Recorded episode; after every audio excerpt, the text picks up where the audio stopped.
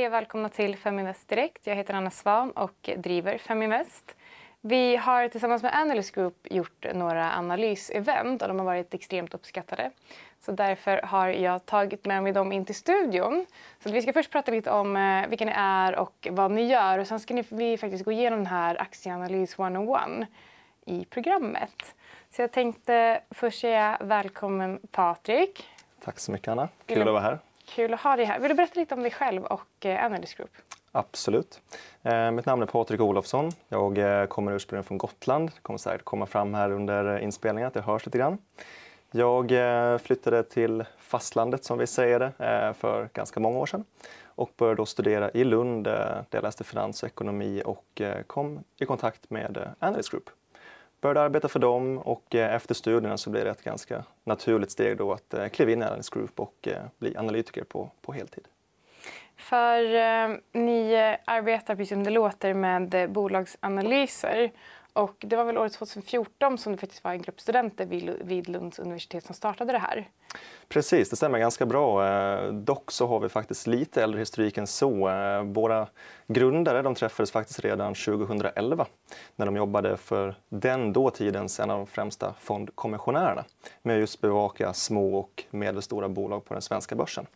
Och sen tog de det här konceptet med sig helt enkelt eh, till Lund och tidigt 2014 så grundade de just Analyst Group. Och eh, jag tycker i alla fall att det är väldigt kul att ha med er i Fem Väst. Jag vet att de som varit med på de här workshopsen som vi brukar köra också tycker att det är superbra. Men hur många är ni idag?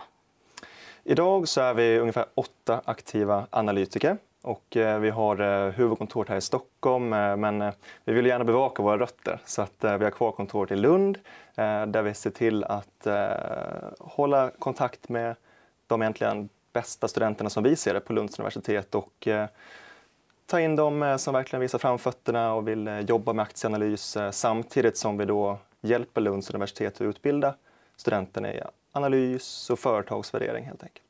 För ni gör två olika typer av analyser idag skulle man kunna säga. De uppdragsanalyser men också oberoende. Vad är skillnaden?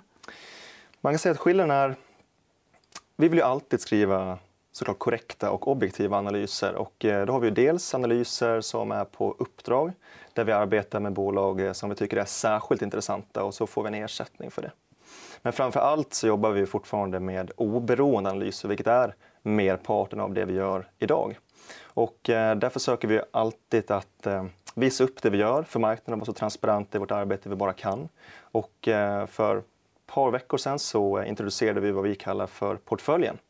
Så varje söndag så presenterar vi två intressanta bolag som vi tycker är värda att eh, veta mer om. Samtidigt som vi då presenterar vår egen förvaltade portfölj där vi redovisar köp och sälj transparent via Twitter i realtid eh, så att folk kan följa hur vi tänker och hur vi gör, eh, om vi gör något misstag och vi gör rätt och så vidare. Det är ganska bra och jag gjorde faktiskt ett för mest direktavsnitt med Elin Helander där vi pratade om just hur viktigt det är med utvärdering och vara transparent. Och då sa jag att det bästa med min blogg för min egen handel är att varje gång jag ska ta ett köp eller säljbeslut så kan jag också tänka, kommer jag kunna skriva om det här? Och är svaret nej, då är det fel beslut för att jag inte har tillräckligt mycket argument för det.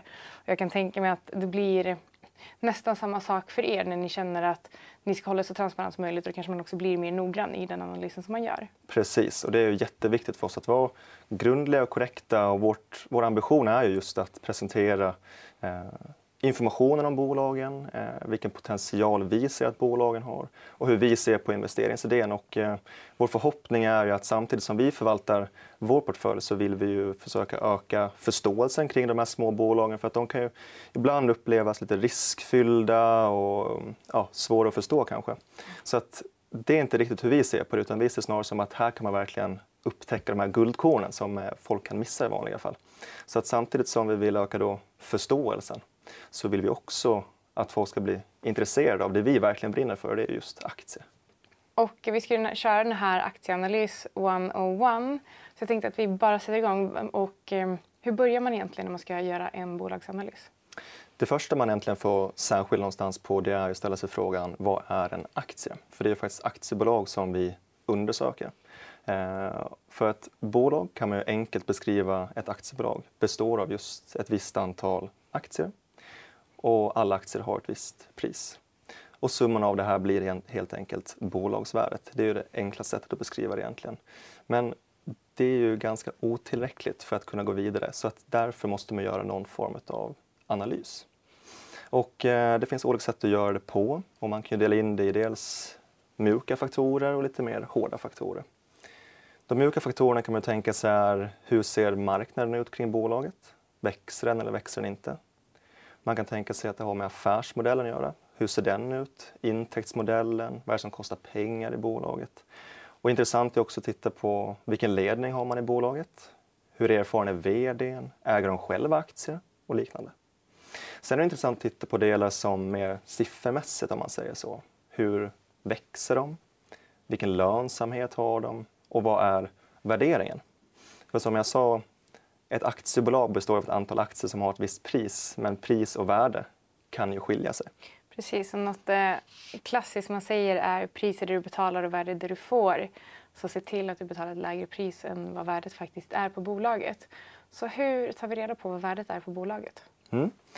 Eh, ett bra sätt är att eh, titta på dels då de här faktorerna. Eh, I presentationen här då så kan man se två olika företag, företag A och företag B. Där vi då har det ena bolaget som är ett stabilt industribolag och det andra är ett snabbväxande mjukvarubolag. Och ett tips då det är ju att man eh, tar fram sitt lilla anteckningsblock som man brukar göra. Och sen så går man igenom en årsredovisning. Det brukar vara det bästa sättet att hitta information kring bolagen. Eh, där det finns bra sammanställt, eh, oftast väldigt tydligt och lätt att förstå och hänga med. Och sen börja läsa igenom de här för respektive bolag för att just se vilka skillnader som finns. Då kan man ju se det till exempel då det ena företag här då som eh, jobbar inom fordon och det andra inom mjukvara och hur de skiljer sig. Det ena bolaget kommer troligtvis växa ganska långsamt när man är inom fordon och tung industri, lång historik och någonstans en ganska mogen marknad. Medan det andra bolaget då som är just ett mjukvarubolag eh, växer snabbare, yngre, modern teknik, eh, nytt helt enkelt. Och det finns ju då tydliga karaktärsdrag, kommer man se, som skiljer sig mellan bolagen. Och olika bolag ska värderas på olika sätt. Det är också det vi ska prata om nu. Precis, precis.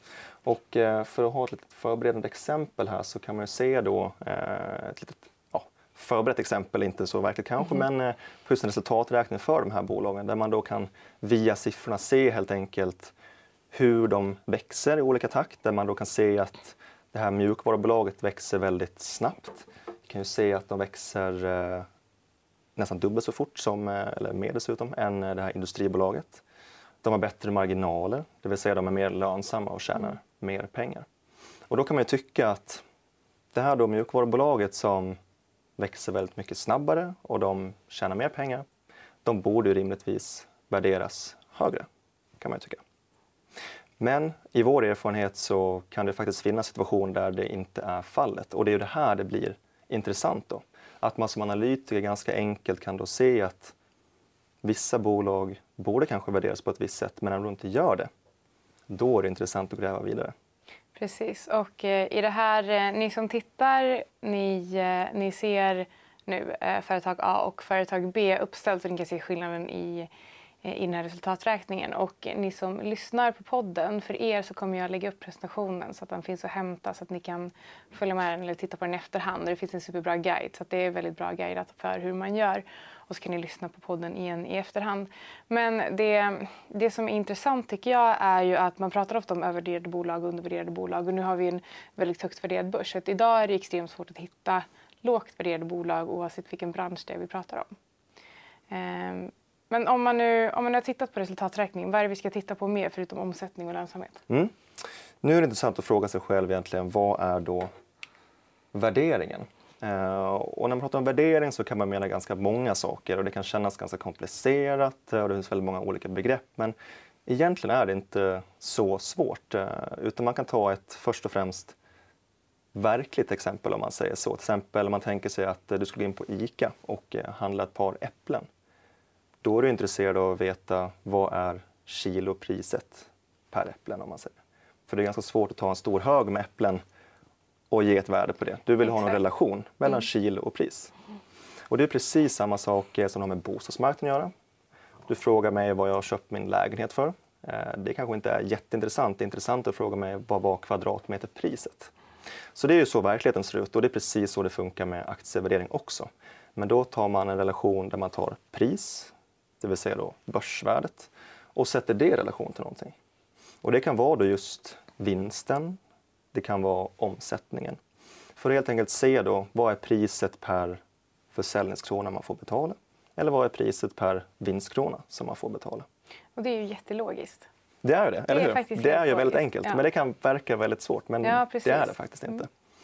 Och det tycker jag är väldigt spännande. Och eh, tittar man då här på det här exemplet eh, så såg vi då på tidigare slide angående resultaträkningen hur vi då hade det snabbväxande bolaget vs det här bolaget som inte riktigt växte lika snabbt och hade inte lika bra lönsamhet. Och tittar man då exempelvis på pris per vinst så ser vi då att priset på företag A det var 100 kronor och de gjorde en vinst på 4. 100 genom 4 är 25. Medan då företag B, de hade också ett pris på 100 men de gjorde en vinst på 39. Så det är ett P tal på 2,6. Alltså mycket billigare. Mm. Så att här någonstans har man kommit ganska långt i analysen och hittar man ett sånt här bolag då kan jag starkt rekommendera att man ska överväga ett köp. För det vi då har egentligen gjort det är ju att vi har dels definierat vad en aktie är och priset på den. Men också gjort vår analys där vi undersökt då, hur ser marknaden ut, ledningen, hur växer bolagen, hur lönsamma är de? Och sen har vi satt en värdering på allt det här i förhållande till vad de omsätter och vilken vinst de gör.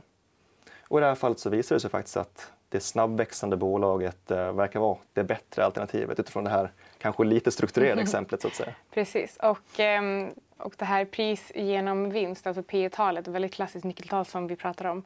Och, eh, jag kommer ihåg hur det var när jag skulle börja handla och, och folk eh, pratade om eh, att leta efter bolag med så lågt P tal som möjligt. Jag tänkte, jaha, och, och vad då? Och varför det? Och vadå P och vad det är? Så jag tror att eh, det är ett väldigt bra exempel och visar på att det inte är så krångligt som det kan låta när man bara får begreppet kastat på sig utan, utan att man känner till det sedan innan. Precis. Men det är inte bara P tal vi tittar på, eller hur? Nej, det finns ju väldigt många olika värderingsmått man kan eh, titta på. Och på det här exemplet så finns även PS, det vill säga då att man funkar, det funkar på samma sätt. Eh, man tittar på vad bolagets pris är, vad är börsvärdet i förhållande till försäljningskronan istället. Och man kan också titta på eh, balansräkningen och liknande. Så det finns ju en uppsjö av olika sätt att värdera bolag på, olika nyckeltal och mått. Och jag tror att ehm, en av de viktigaste sakerna man ska ta med sig från det här det är just det att det finns så himla många olika sätt att värdera bolag på. Så det är ingenting rätt och fel. Det finns lika många analyssätt som det finns investerare. Precis som man brukar säga att det finns lika mycket investeringsstrategier som det finns investerare. Eh, men däremot så skulle man kunna plocka ihop olika verktyg och skapa sin egen analys, eller hur? Precis, för det är ju så att det är ju lite djungel där ute och det finns som du säger väldigt mycket olika vägar att gå. Olika sätt att värdera bolag på, olika nyckeltal. Och det är inte nödvändigtvis så att allting tillsammans är den bästa vägen. Utan eh, min rekommendation är att man eh, väljer det som man kan bra, eh, man lär sig det bra och så tittar man på just de delarna. Och sen så kan man komplettera och byta ut i sin verktygslåda men man ska nog inte sikta på alla verktyg i samma låda utan välj de som man tycker känns rätt och som fungerar för dig. Och sen så analyserar man ju olika, olika branscher på olika sätt.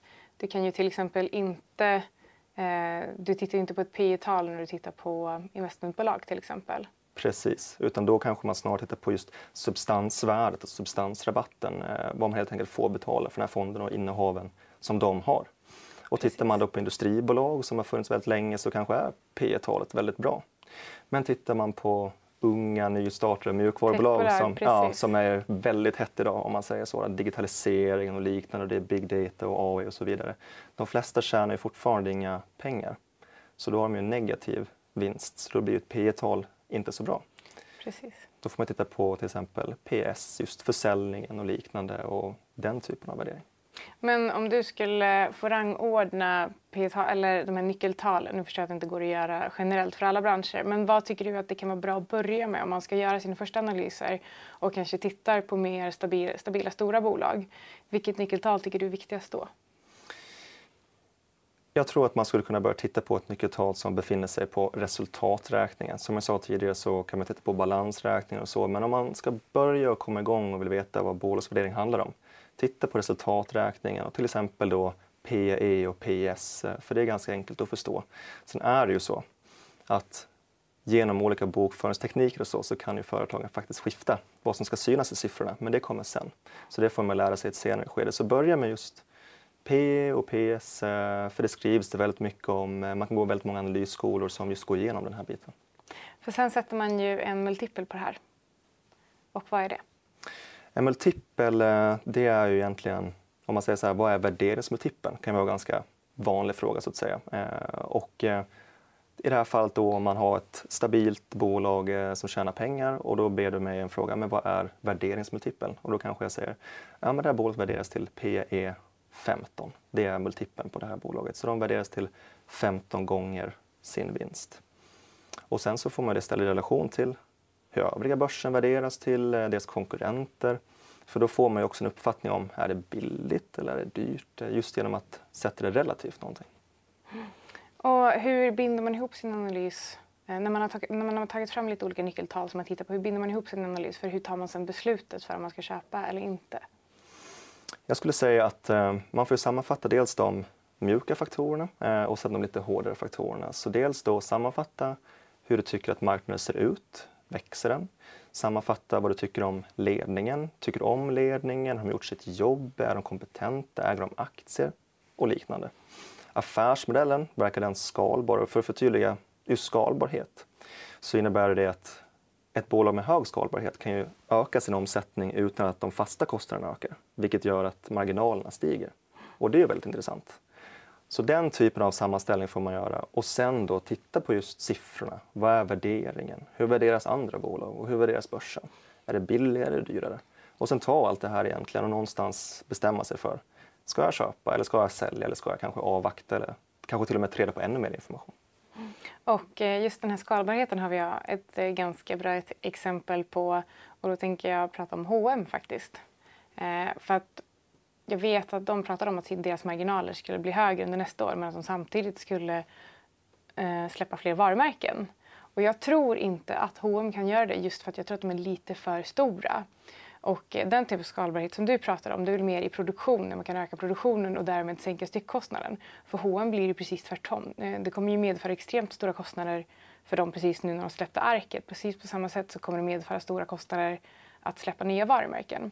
Så man måste också vara medveten om vad skalbarhet innebär och vilka branscher och vilka bolag som faktiskt har möjlighet att skala upp till lägre kostnader. Precis, och man kan ge ett exempel Netflix till exempel, eh, det känner nog de flesta till.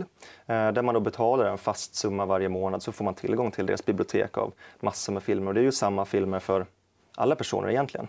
Men alla betalar lika mycket så att för att Netflix ska addera en ny kund, det kostar dem egentligen ingenting för alla får ju samma utbud. Du registrerar dig själv och sen betalar du in varje månad.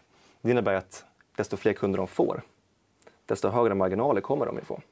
Så där är ju en skalbarhet i produktion, i det här fallet egentligen förvärva av kund egentligen. Precis, och där är ju Spotify också intressant som eh, förhoppningsvis ska noteras under nästa vår. Men, men du då, har du något spännande case som du tittar på just nu och eh, varför tittar man på det? Ja, det har jag faktiskt. Eh, jag har ett bolag eh, som finns här i Stockholm faktiskt. Eh, de heter Ad City Media. Jag tycker de är väldigt intressanta. De erbjuder eh, framförallt digital utomhusreklam och eh, de har reklamytor på ungefär 260 orter runt om i Sverige på eh, både lite mindre men framförallt då större storformatsskärmar som är uppåt 150 kvadratmeter ungefär där de kan hjälpa då kunder att synas eh, och marknadsföra sig helt enkelt. Och det här är just skalbart, det vill säga på de här skärmarna som de själva äger. Så kan de enkelt då lägga på en ny kund och en ny kund och en ny kund som styrs då remote, alltså från distans från deras egna kontor. Vilket gör då att de får väldigt hög skalbarhet, väldigt höga bruttomarginaler och kan växa organiskt väldigt bra. Samtidigt som eh, de tänker göra fler förvärv framöver så att eh, de kommer växa eh, på det sättet också. Så att jag tycker att det här bolaget är väldigt intressant just på grund av de bitarna men också då att värderingen tycker jag är alldeles för låg. Så att jag tror att det finns utrymme för just uppvärdering eh, och eh, de har kvartalsrapport 4 här nu i februari nästa år. Så att det ska bli väldigt spännande att se för att kvartalsrapport 3 som var nu för ett par dagar sedan var väldigt stark. Och eh, VD-ordet som jag inte snackat så mycket om tidigare, men i det, där vd då berättar hur verksamheten ligger till, kändes väldigt positivt. Så att eh, det ska bli kul att se vad som händer i februari. Men hur mycket, på tal om vd-ordet innan vi börjar runda av, hur stor del av det ska man lägga vikt vid? För att det är självklart, vd-ordet ska ju fungera verkligen som, som införsäljning för, till aktieägarna. Så hur, stor, hur mycket ska man lita på det? För det är klart att de försöker lyfta det bästa där. Det är en liten avvägning eh, och jag tror att ju mer du läser, desto duktigare kommer du bli på att just sålla ut vad som känns som tomma löften och vad som faktiskt är konkret. Mm. Men oavsett vad så ska man alltid läsa vd-ordet och sen kan man ju välja då om man tror på det eller inte. Men där kan man hitta vissa saker och ett tips kan vara att läsa ett vd-ord och sen gå tillbaka ett par rapporter och jämföra. Hur var tonläget då jämfört med nu? Märker man någon trendskillnad i hur han eller hon framför sitt budskap? Mer positiv eller mer negativ? Och hitta just de här mönstren. Det blir nästan lite psykologiska analyser där, men eh, där finns det eh, saker man kan hitta, så det tycker jag man ska läsa. Och på tal om de här psykologiska analyserna, när det kommer till vd-ordet, så tycker jag personligen att eh, en bra idé att titta efter är om de kommer med konkreta exempel. Det här har vi gjort och det här kommer vi att se resultat av. Till skillnad från de som skriver förhoppningsvis det här kvartalet blir inte så bra men förhoppningsvis så ska vi eventuellt kunna se en förbättring nästa år. Det tycker jag är lite varnande tecken för att det, då känns det som att de försöker släta över någonting som de inte riktigt har en lösning på än. Precis, det blir ju nästan lite ordanalys. Eh, så där får man sitta med sitt förstoringsglas. Eh, så jag själv jag brukar läsa vd-ordet om och om igen. Där jag liksom betonar eh, egentligen varje ord i mitt huvud och verkligen försöker hitta de här tongångarna. Och är det vi ska eller vi har eh, och samt att titta längre tillbaka för vad sa de att de skulle göra för ett år sedan och nu har det gått ett år och så får man då läsa, har de gjort det här? Ja, nej, har de gjort mer? Eh, så kan du få ut lite känslan hur det går i bolaget också. Men så för att sammanfatta det här så uh, skapa en verktygslåda med eh, de nyckeltal som du tycker är viktiga. Blanda mjuka och hårda värden och läs vd-ordet. Och eh, ni ska med till Malmö imorgon, inte du men din kollega ska. Precis. Och eh, det eventet har redan varit när det här släpps. Men det var jättekul att ha er här. Jag hoppas att ni som har lyssnat och tittat kan ta med er de här verktygen så att ni kan göra egna analyser i framtiden. Mm, jättekul att vara här.